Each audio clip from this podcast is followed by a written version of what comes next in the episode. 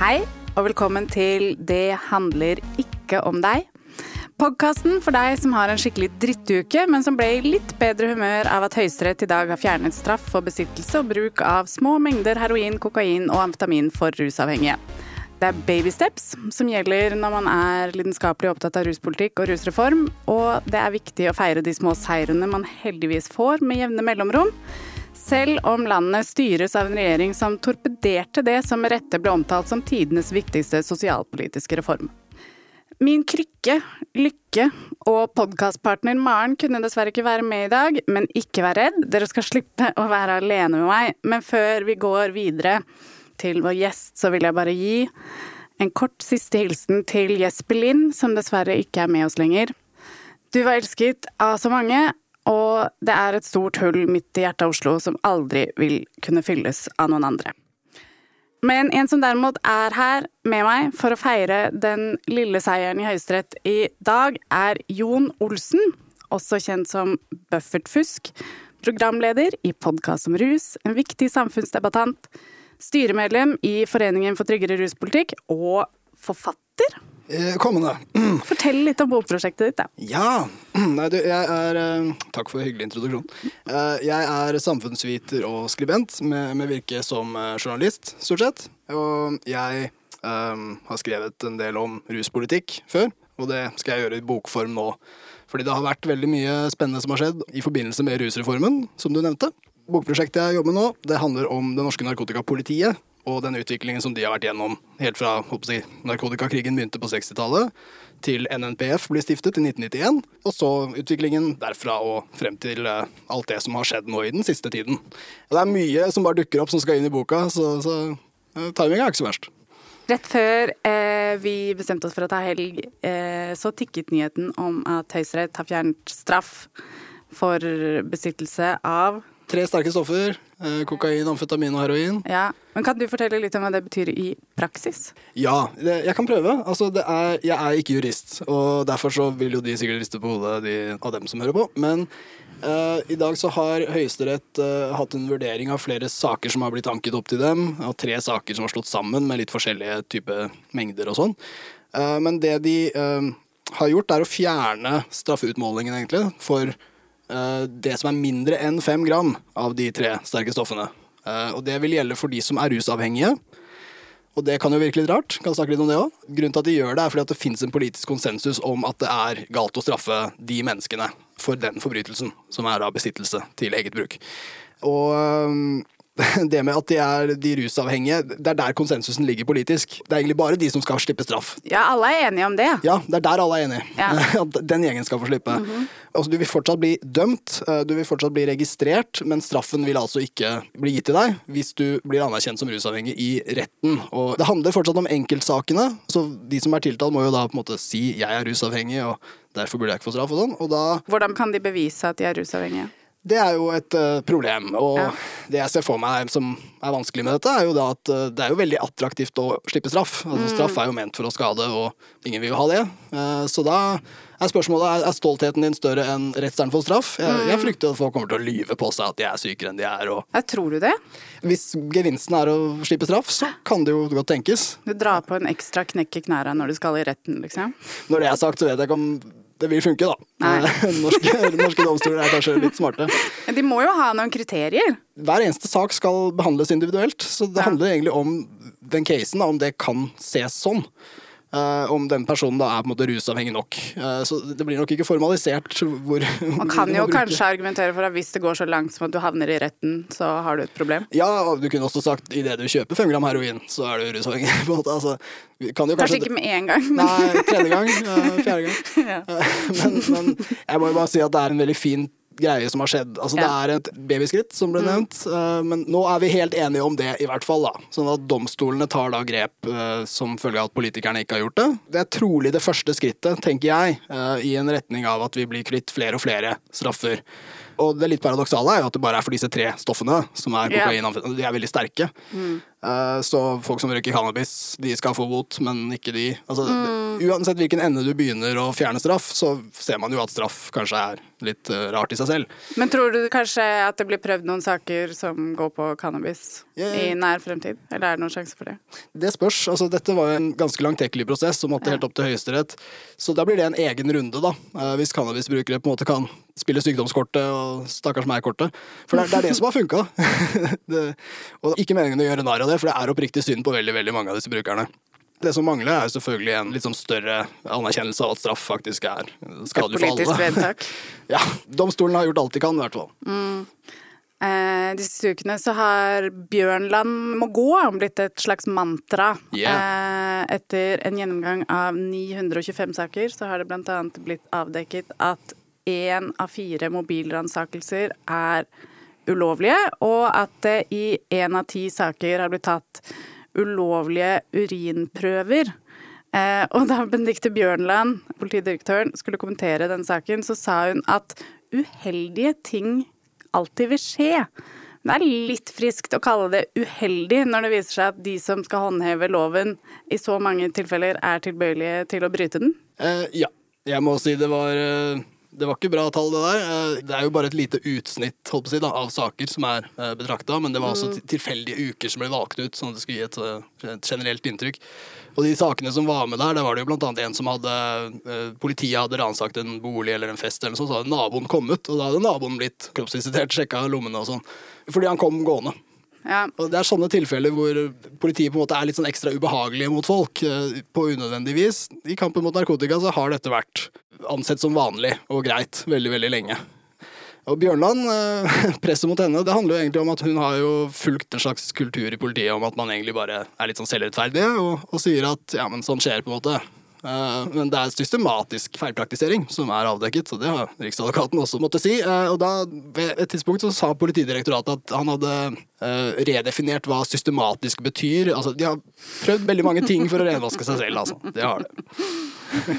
Det var når Riksadvokaten presiserte Da sa jo Bjørnland at det var en ny tolkning av loven. Eh, ja, Det var også en interessant måte å si det på. Ja, det er også en greie, det der. 9. april i 2021 så kom Riksadvokaten med en instruks til politiet, hvor det står at man ikke skal sjekke urin, bolig og mobiltelefon når det kun er mistanke om bruk i små brukersaker. Og da, fra det tidspunktet det blir presisert, så er det ulovlig for politiet å gjøre det. Men så er spørsmålet, var det ikke egentlig det før òg? Og, og når ble det egentlig forbudt? da? Var det fra 9. april, eller var det et eller annet sted bak i tid? Men det som er sikkert, er jo at eh, neppe har vært greit noen gang. Altså Det politiet skal, er at de skal mistenke med god grunn at en forbrytelse med strafferamme på over seks måneder, som å f.eks. selge narkotika, da får man mye mer hjemmel til å sjekke bolig og mobil og, urin. Men uh, i små brukersaker og bare på trynefaktor så har jo politiet gjort ganske mye, da. Og det er jo også interessant å se da, hvor utbredt det har vært, hvor høy prioritering det har vært. eh, og, hvordan politiet har veldig lite ressurser i andre saker, da. Som kanskje dette går på bekostning av. Men det kan jo virke som at en manglende eller litt kreativ forståelse av loven er en ganske stor del av problemet. Ja, altså jeg tror dette med narkotika er bare et så utrolig stort onde i samfunnet. At uh, det å slåss mot det med alle midler, det er Det er der vi skal sette alle pengene våre. Ja, og det koster jo masse penger. Det var jo nylig anslått også. Rundt 6,5 milliarder kroner i året bruker den norske stat på å slåss mot narkotika. Å, herregud. Ja. Det er bare håndhevingen og domstolen og ja. politiet. Eh, og det, se hvor bra det går. Mm, det går kjempebra. Ja. Det går kjempebra. Så det stå på. Stolt. Stolt av dere.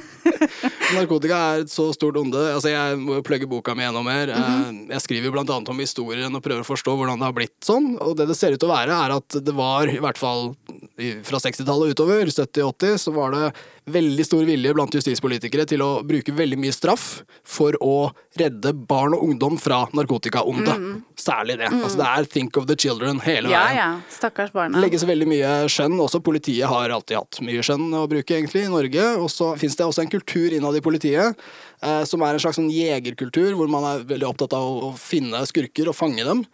Og det var et lite samsvar mellom de politikerne og den kulturen som har på en måte blitt til eh, den utviklingen som fikk pågå en stund da, før NPF nå fikk masse kritikk. Ja, endelig få litt motstand. Ja, til slutt. Eh, det har også blitt eh, ganske tydelig at Bjørnland eh, ikke har sånn veldig mange kvaler når det gjelder litt uetiske framgangsmåter. Mm. Eh, og dette tror jeg du kan fortelle mye bedre enn meg, men hva skjedde egentlig før Rusreformutvalgets NOU skulle presenteres?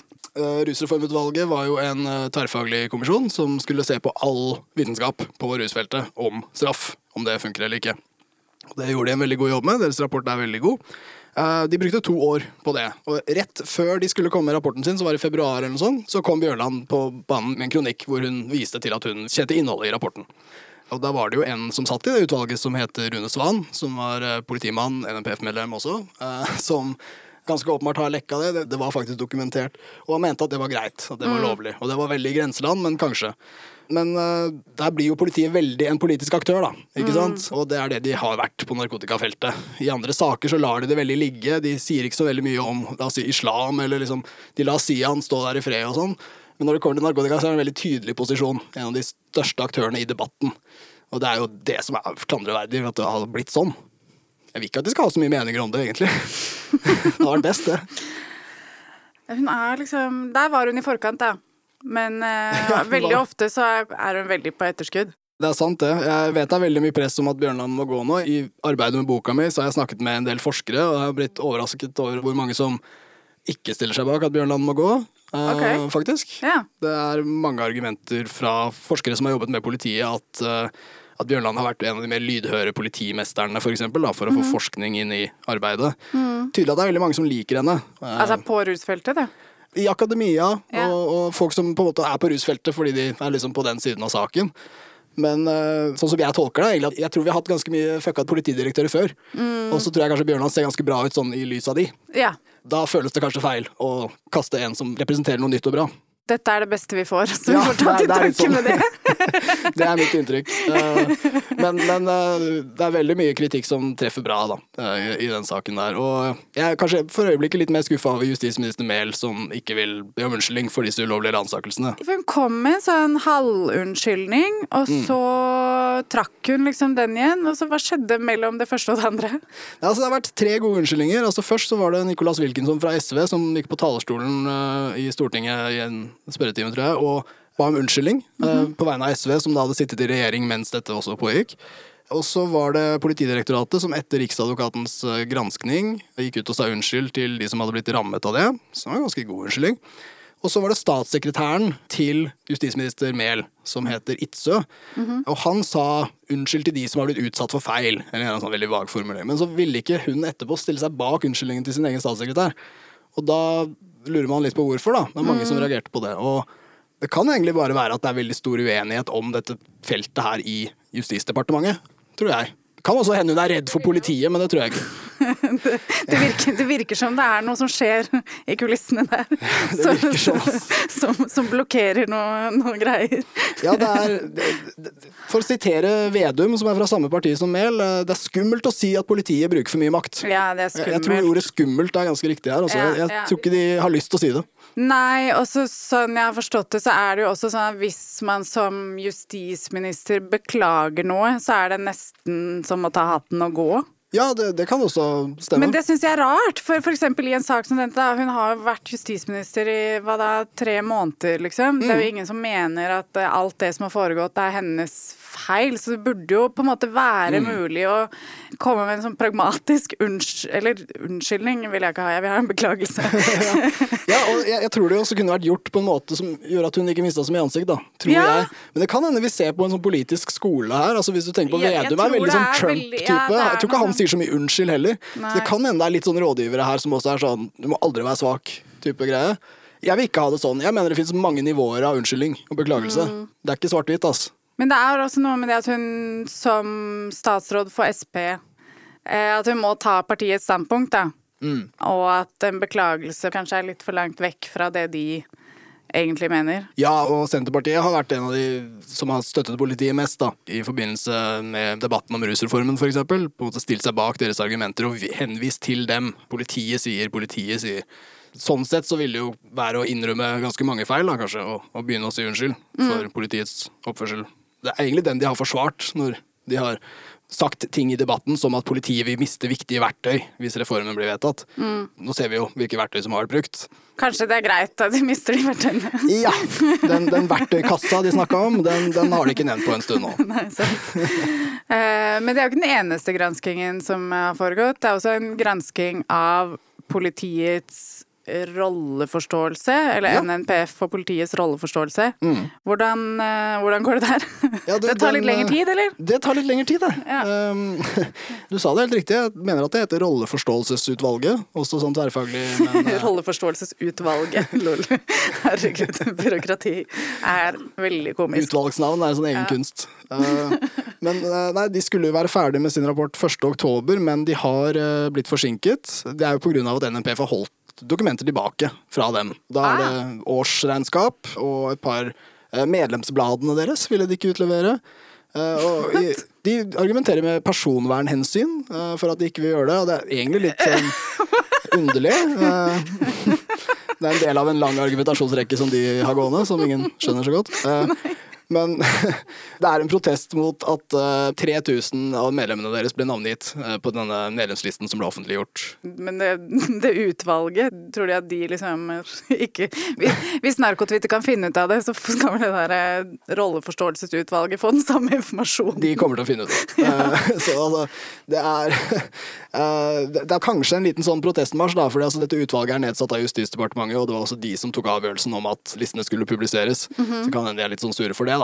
Eh, Men Ingrid Det får jo ikke dem til å se så bra ut, da. Nei, og det har blitt påpekt. Altså, Men det er kanskje ikke så mye som får dem til å se bedre ut hvis de gir den informasjonen heller. Det var en forsker på Politihøgskolen som sa det er liksom to grunner til å holde tilbake sånn. Det ene er at de bare prøver å sabotere for utvalget, og det kan man jo tenke sitt om, liksom.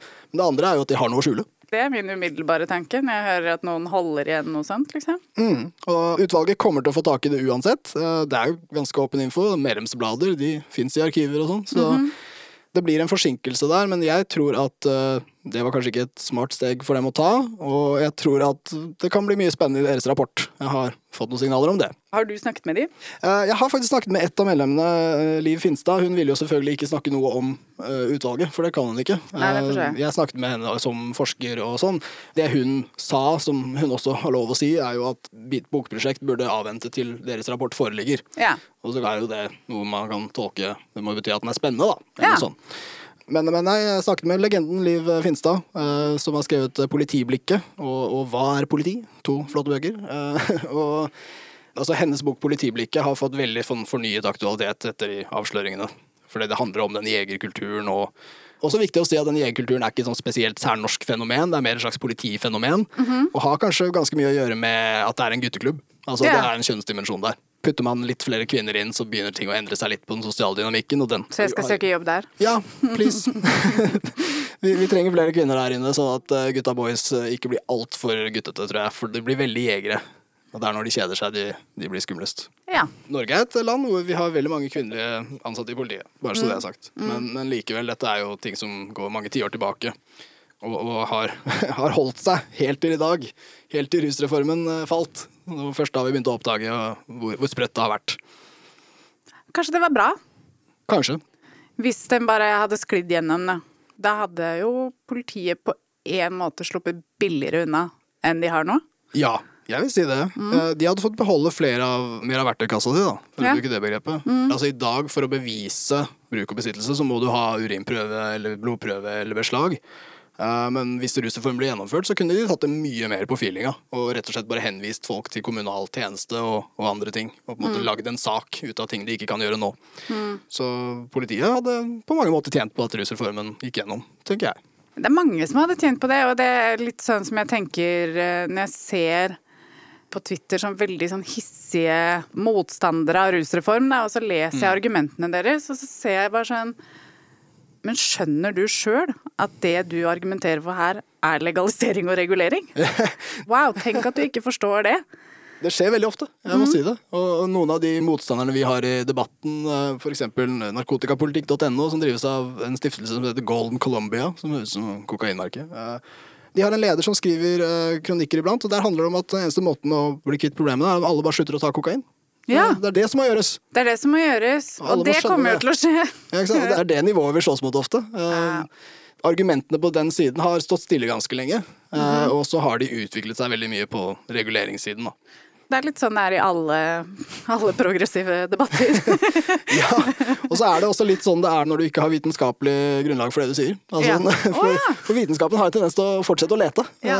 Så, så da, da er det spørsmål om tid, rett og slett, før det ryker. Allikevel så, så står de og tviholder, og de tror jo på den ene vitenskapen som de har, da. De har én vitenskap, og så har de andre veldig mange vitenskap. Moralens vitenskap. Ja, ett vitenskap har de. Et sterkt et.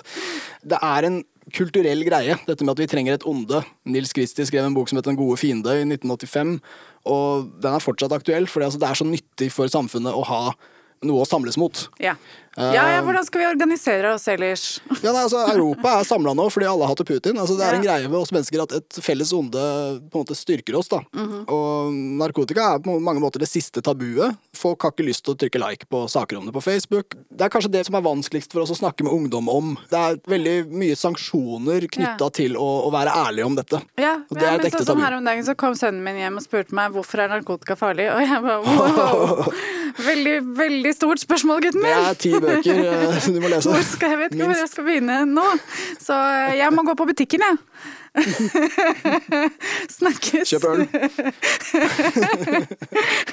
ja, jeg tror alle eh, foreldre kjenner på den. Ja, ass. Mm. Eh, Jeg tror kanskje det er lettere å snakke om liksom, vold og sex og alle de andre vanskelige tingene i livet. Døden, liksom. Er, men, men, men rus er vanskelig. Og fortsatt er det sånn. Vi har jo holdt på med det her i noen tiår. Ja, har vi ikke bare holdt på med det så lenge vi har eksistert, egentlig? Jo. Det, det ser sånn ut. Ja. Der du finner mennesker, finner du rester av rus. Unntaket er de der inuittene, holdt på å si, de, de isverdene. Det er det Ja. eneste stedet hvor de ikke har rus. Å shit, der trenger de det. Ja, de har ikke funnet noe. Hvordan gjør de det? Kanskje snurrer Å, fy rundt, faen. gjør seg selv svimle eller et eller annet. De lø... Løper i ring. Jeg kjenner ikke kulturen deres. Mange tanker om kultur fra meg, men jeg tror Norge er en veldig kollektivistisk eh, kultur. Vi er veldig flokkorientert, og vi, vi bryr oss om fellesskapet, og det er jævlig bra. Mye fint å høste fra det. Eh, Et problem er at hvis man faller utafor, så faller man litt hardt. og Elementer som skiller folk ut, er uønskede elementer. Vi blir litt homogene, litt sånn sosialt press på oppførsel og sånn. Fylla er et felles rituale, men ellers så skal du være lydig på en måte og følge reglene. Ja. Så du blir litt sånn her sviker av laget hvis du velger å bruke rusmidler.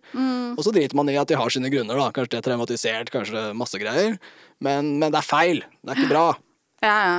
Nytt på nytt forrige uke var et eksempel på at vi har kommet veldig, veldig, veldig langt. Det var kult. Men så hadde Mina Dampour en sånn liten vits om at eh, man i rusdebatten skyver de strukturelle problemene foran seg, mens det selvfølgelig også handler eh, litt om at eh, hvite rekreasjonsbrukere skal få ha jointen sin i fred. Eh, og det var jo en spøk, men jeg syns det er veldig viktig å snakke om at selv om man har kommet langt Ja. i debatten, både i media og på politisk nivå, så er det fortsatt en krig mot brukerne. Og det plager meg veldig at vi aldri kan snakke om rekreasjonell bruk av narkotika. Ja, det er jeg helt enig. Jeg, jeg skjønner den vitsen. Jeg litt irritert over at hun slang hvit inn i vitsen. Jeg tror det fin fins rekreasjonsbrukere av alle farger. Ja, ja, men jeg skjønner hva hvit betyr der. Det betyr på en måte høyressurs eller et eller annet sånt. Privilegert, det er det det Privilegert betyr. Privilegert, Ja, ja, ikke sant. De privilegerte brukerne. Men vi hadde Ung i Oslo-rapporten, jeg tror det var fra 2017 og utover, at den, den begynte å vise at uh, ungdom på vestkanten av Oslo, altså i Ullern bydel, så var det dobbelt så mange ungdommer som røyka hasj, en, eller hadde prøvd det, da, enn i Alna bydel. Og Så blir de mye mer arrestert på østkanten, og det handler om at de er mer utendørs, altså de har mindre leiligheter og sosioøkonomiske faktorer som gjør at de blir mer tatt, selv om de er mindre kriminelle. Rusreformen handler på en måte mest om det, da. Så, så rusreformen handler jo på ingen måte sånn om at bare de rike skal ha jointen sin i fred, for de har den jo i fred allerede. Altså, Drugs er jo basically lovlig hvis du er ressurssterk nok. Du, du vil jo aldri få noen ordentlige sanksjoner å kjenne på. Du har jobb fra før, du mister den ikke, du har råd til advokat. Hvis du mister lappen, så er du privatsjåfør. Altså, for for Ja. rike folk så er drugs lovlig. Ja. Det meste Det er er, lovlig hvis du har nok uh, penger. Ja, og sånn kommer det til å fortsette å være. Ja. Men rusreformen handler om å utjevne de forskjellene, og det, dette er jo situasjonen vi har i dag, jeg beskriver. Det er urettferdig, det, det vi har som politikk. Kult å sende ut på Nytt, da. Det var bra jokes. ja, det var mye som var on point. Den fra Martin Beyer-Olsen om at ofte er det store doser melanin. Fy faen, altså. Jævlig morsomt. Ja. Øh, Men tilbake til uh, krigen mot brukerne. Mm. Det er jo da nå Arbeiderpartiet jobber for at de som er tunge avhengige skal på en måte få slippe straff, mens jeg som har ganske lav BMI, meg er det liksom ikke plass til i den debatten. Risikoen er for stor. da. Du kan ikke snakke åpent om rekreasjonell bruk uten eh, å risikere å miste lappen. Du kan miste rett til omsorg for barna dine, du Ja. kan miste jobben din. Og ennå så vet vi at det er liksom helt sinnssyke mengder rekreasjonelle brukere. Det er en kompis av meg som sa en gang at før pandemien så brukte vi ca. 70 milliarder i året på oppussing i Norge. Og så mente han også at han hadde tall på at omsetningen av narkotika i Norge er ca. samme, da, 70 milliarder. Det sier noe om hvor enorme mengder rekreasjonelle brukere er, og hvor mange som bare sitter på henda og ikke kan være ærlige om hvem de er, da. Ja, når det kommer til alkohol, så er det jo også ganske strengt, egentlig, i Norge. Altså, du skal ikke drikke på hverdager og sånn. Det er sikkert annerledes blant yngre mennesker, sikkert annerledes i byene. Men det er litt strengt, ass. Du skal følge visse normer, og her er jo normen at du skal bare bruke alkohol og nikotin, basically. Men det er veldig synd. altså Hoveddelen av bruk er rekreasjonell. Du kan sikkert si at eh, mange av de bruker det litt medisinsk også. Men det som har skjedd i rusdebatten, er jo egentlig at vi har fått respekt for de medisinske brukerne, eller fått respekt for brukernes behov, og da er det helsemessig behov. Da er det snakk om på en måte de de det er synd på, de som har det vondt. Og bruker rus for å lindre smerter, lindre traumer, uh, sånne ting. Men det er et lavt antall brukere det gjelder for. Så da står vi fortsatt igjen med en veldig stor gjeng eh, som man fortsatt er sint på. Og egentlig så har samfunnets liksom, vrede da, mot eh, rusbrukere Den har egentlig alltid vært mot de rekreasjonelle. Så nå som vi ikke har den mot de medisinsk eh, trengende, så har vi fortsatt sånn typ 95% igjen av alle brukerne. Noe av det handler om lydighet, men jeg tenker at veldig mye handler om at vi har ikke hatt nok debatter om dette. Vi har ikke lært det som samfunn å forholde oss til at det fins flere rusmidler. Eh, Og de er vanlige, og de er utbredt. Så vi har ikke hatt noen debatt om hvor mye cannabis er for mye. Hvor ofte er det greit å ta inn dem? Hvor ofte burde vi tåle at folk tar kokain? For eksempel barnevern og sånn, de veit jo ikke hvor Nei. disse grensene går, og da går grensen ved forbudet, da. Da Ja. er det én gang er for mye. Ja. Vi har ikke disse nyansene. Vi har ikke kommet i gang med disse samtalene. Og det at rus er et sånt tabu, gjør jo at vi ikke har dem heller. Folk snakker jo ikke ærlig om bruken sin. Det ville jo rusreformen kanskje ha hjulpet på. Men den uærlige samfunnsdiskursen om rus, den fortsetter. Hva kan man liksom gjøre for å løfte den delen av debatten? Jeg, jeg, konklusjonen er vel egentlig at det ikke går, for ellers så hadde det skjedd. Ja, det er uhyre vanskelig. Eh, Det eneste som nytter, er jo på en måte om folk går ut og snakker ærlig om bruken sin. Eh, Det var jo en Netflix-spesial for noen år siden, hvor det satt masse kjendiser, som Woody Harrelson og Ja, ja, USA- Sarah Silverman, og så satt og snakka om at de hadde tatt sopp, og det var helt sykt, og det skjedde mye rare ting og sånn. Mm. Og det, det syns jeg var fint, fordi det var ærlig. Og så drev folk og klikker fordi det var ikke bra å si det og sånn, men det var jo ærlig, og det var jo sant. Så man må jo på en eller annen måte forholde seg til det, da, i stedet for å bare si slutt. Slutt Mm. å si det. Av og til så dukker det opp rekreasjonelle brukere som sier at jeg er egentlig ikke syk, jeg gjør det fordi jeg liker det, kanskje trenger det litt, men det er mest for gøy. Og de ender med å stå veldig alene. Det har aldri den store effekten. Og de blir også kasta under bussen. De, de får reaksjoner, enten det er straffemessige eller sosiale.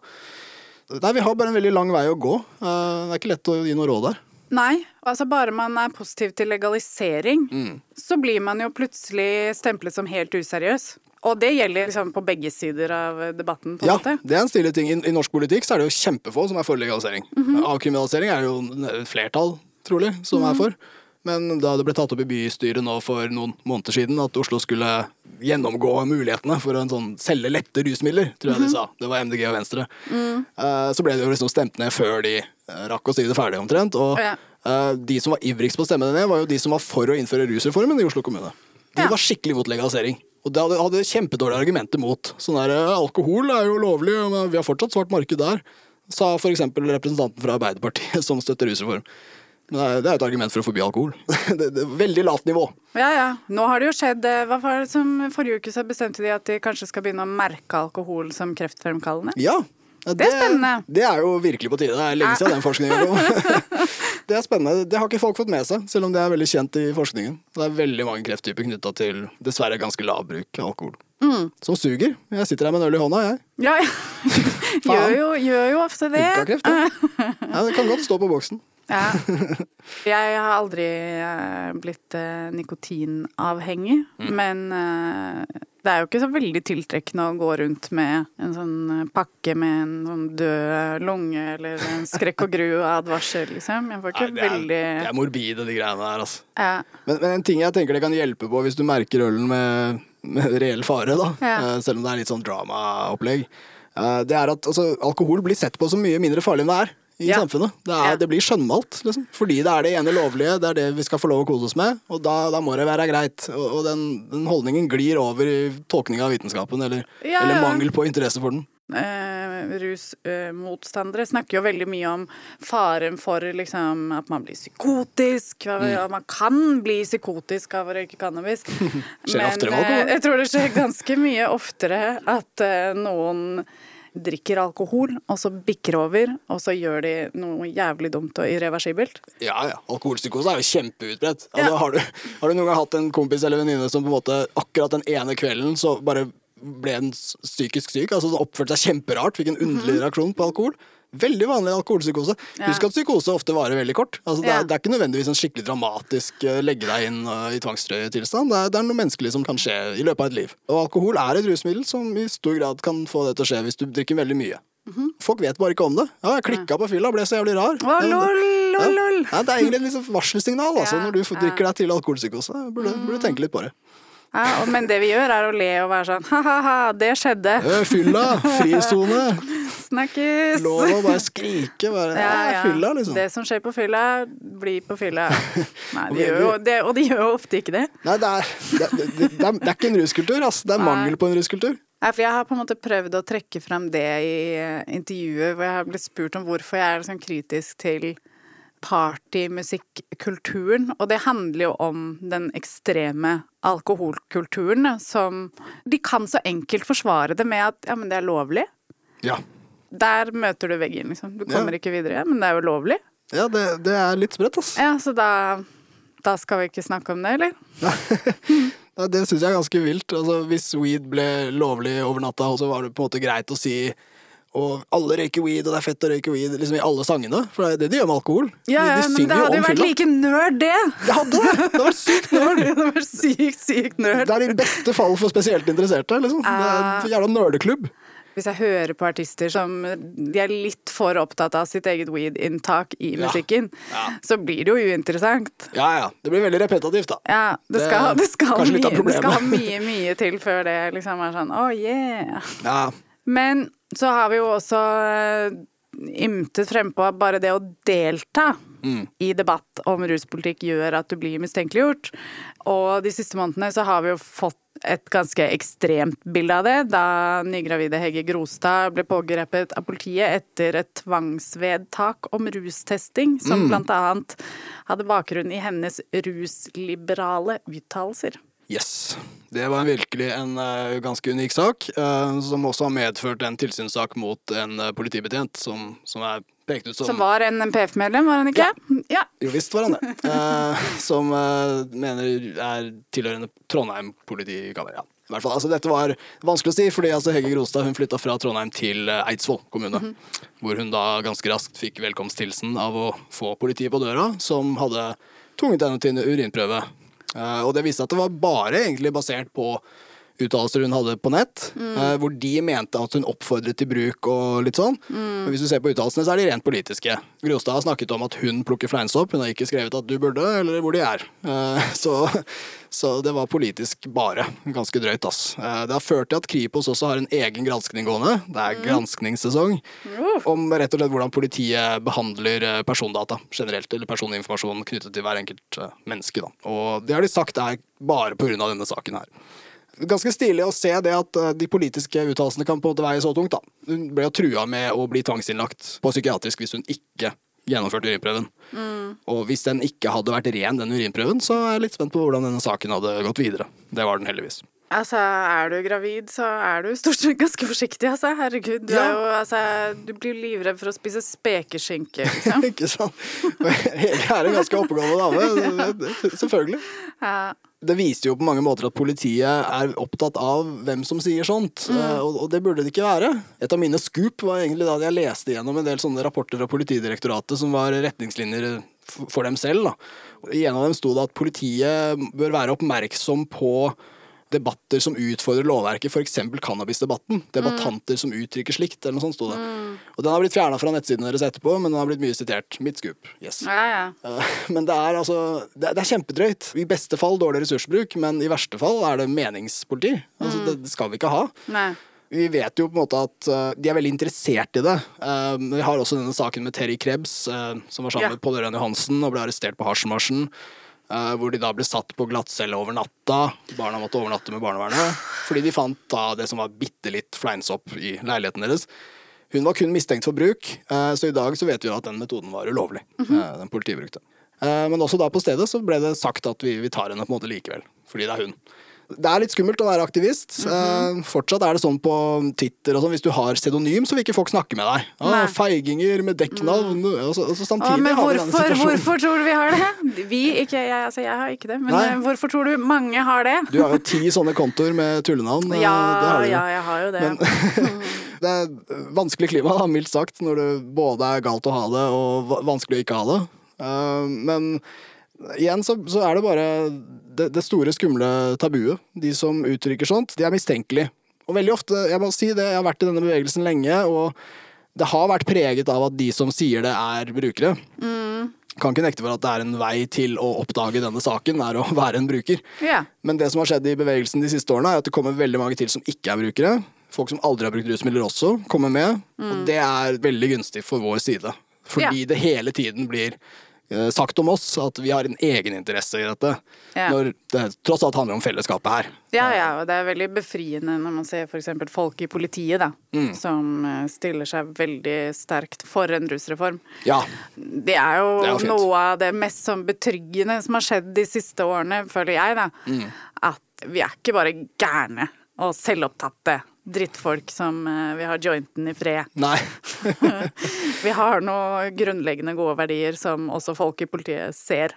Ja, ikke sant? Og, og jeg må også si jeg syns det var veldig fint. Uh, oppslutningen rundt rusreformen var veldig høy fra veldig, mange, veldig mange forskjellige typer folk. Uh, og jeg tror at i den dagen vi skal diskutere hvilke modeller er bra for samfunnet, altså sånn burde vi regulere disse markedene, burde weed være på polet, eller burde det være på, på Prix, sånn, da begynner det å bli vanskelig igjen. Men det vi har felles konsensus om nå, er på en måte noe vi har ment lenge på vår side av debatten, og det er at den ruspolitikken vi har nå, den funker ikke. Det vi har nå, det er i hvert fall ikke den riktige modellen. Nei. Hva som er den riktige modellen, det kan bli et helvete å finne frem til. Ja, det kommer til å nei. splitte bevegelsen den dagen vi må ta stilling. Men man må begynne et sted, da. Det er de der babystepsene. Mm, absolutt. Så det er fint å se det. Til og med KrF og sånne partier som virkelig var jobbet mot rusreformen, de sier også at de ikke vil straffe brukere. Eh, og da er de kjappe til å si tunge brukere og sånn etterpå, Ja. men, men ingen elsker straff nå. Ingen tar til orde for det. Og der har det skjedd mye på ti år, ass. Så det, det går sakte, men sikkert i riktig retning. Jeg tror Det kan ikke gå i noen særlig annen retning. Nå er det egentlig bare spørsmålet om hvor fort det kommer til å gå. Ja, du tror det. Ja, men jeg tror det kommer til å gå drittreigt. Det er mitt inntrykk òg. Vi har mye å bale med. Ja. Lovlig vid på gamlehjemmet forblir det, det sobre målet. Ja, men det blir nice. Ja. Jeg syns ikke folk i min generasjon skal trenge å, møte en fyr på parkeringsplassen utafor gamlehjemmet og, og skjule jointen ut av vinduet for, for pleierne. Det blir for dumt. Ja, når det går mot slutten av livet, så må du faen meg få gjøre det du har Ja, lyst til. Det er kanskje det viktigste av alt. La gamle folk gjøre ting. Har du noen idé om hva som vil på en måte være avgjørende sånn for veien videre? Nå må det jo bli rydda opp i politiet. Det er jo på en måte den tingen som pågår nå, med utvalgene og NMPF og alt det der. og der. Eh, Men vi trenger politisk endring. Altså Egentlig så burde jo lovverket settes til side mens vi lager noe nytt. Egentlig er det akutt, syns jeg. Men dessverre så må vi nok trolig vente. Nå fikk det her bli prøvd i Stortinget, og, og feila. Og da vil det nok ta tid, men vi, vi trenger en ny rusreform som legges opp snarest mulig. Som går minst like langt som den forrige. Sånn sett så er det jo litt sånn vanskelig å bare prøve igjen med det samme som ble stemt ned. Men vi kan ikke gå med på disse kompromissene som Arbeiderpartiet legger til grunn osv. Så, videre. så nei, det jeg mener er veien videre, er å få skikk på norske politikere. Sånn at de får endra den loven som skaper så mye skade og problemer i dag. Da. Vi beholdt en lov som er en komplett fiasko. Så. Bare for å beskytte egoet til, eh, til noen gamle folk som bare nekter å gi seg? I politikken så er det mye kampen mellom by og land. Det må jeg si. Hele russaken i Norge har vært det. Avholdsbevegelsen kom fra bondelandet, splitta opp i byene fordi rus er annerledes i byene. Det er ikke så rart for meg at de to partiene som virkelig torpederte det, altså de tre, da, hvis du tar med Frp, som bare gjør hva som helst for makt Arbeiderpartiet er så svære, de har masse bygdefolk, og det var de som var imot rusreformen. Sammen når du ser på Senterpartiet, så er det jo veldig få i byene, så de var jo enda mer mot rusreformen. Så det er KrF samme bygdegreier. Så for meg er, står det veldig mye mellom by mot land. Hvordan kan vi bygge bro, da? Ah, det har vi jo slitt med helt siden vi bygde byer. Ja. Men vanskelig å si. Det er en gammel konflikt, det der. ass. Men konsekvensen av samfunnets rusproblemer er mest synlig i byene. Når du får synlige åpne russcener og, og Det fører jo også til fraflytning, da, hvis du skal bruke et norsk begrep som folk på bygda bryr seg om. Fraflytning. Hadde de hatt rusreform, så kan det hende flere smarte folk ble i bygda deres. Påstand. Ah. Påstand? Ja. Hadde kanskje ikke trengt å dra til Oslo for å dyrke sin bitte lille rusvane. Nei, sant. Blir litt akseptert i lokalsamfunnet, kanskje. Det er også litt sånn som med alle saker vi snakker om, at det kommer ofte tilbake til by mot land-perspektivet og generasjonsperspektivet, da. Mm. Langt land med mange gamlinger problems. Ja. Mm. Det sitter jo som kjent da, langt inne å endre mening eh, jo eldre du blir, liksom, og jo lenger du har trodd på noe. Ja. Men vi ser jo at det går an, sånn som når riksadvokat Maurud, Mm. som hadde vært NMPF-medlem i 25 år, plutselig meldte seg ut. Det var sykt. Fascinerende at han i det, denne høringen til rusreformen skjedde, hvor han uttrykte uenighet med statsadvokaten, og det ble en hel greie, og at han på det tidspunktet faktisk var medlem av NMPF, det er uhyre fascinerende. Det virker jo som de alle er medlem.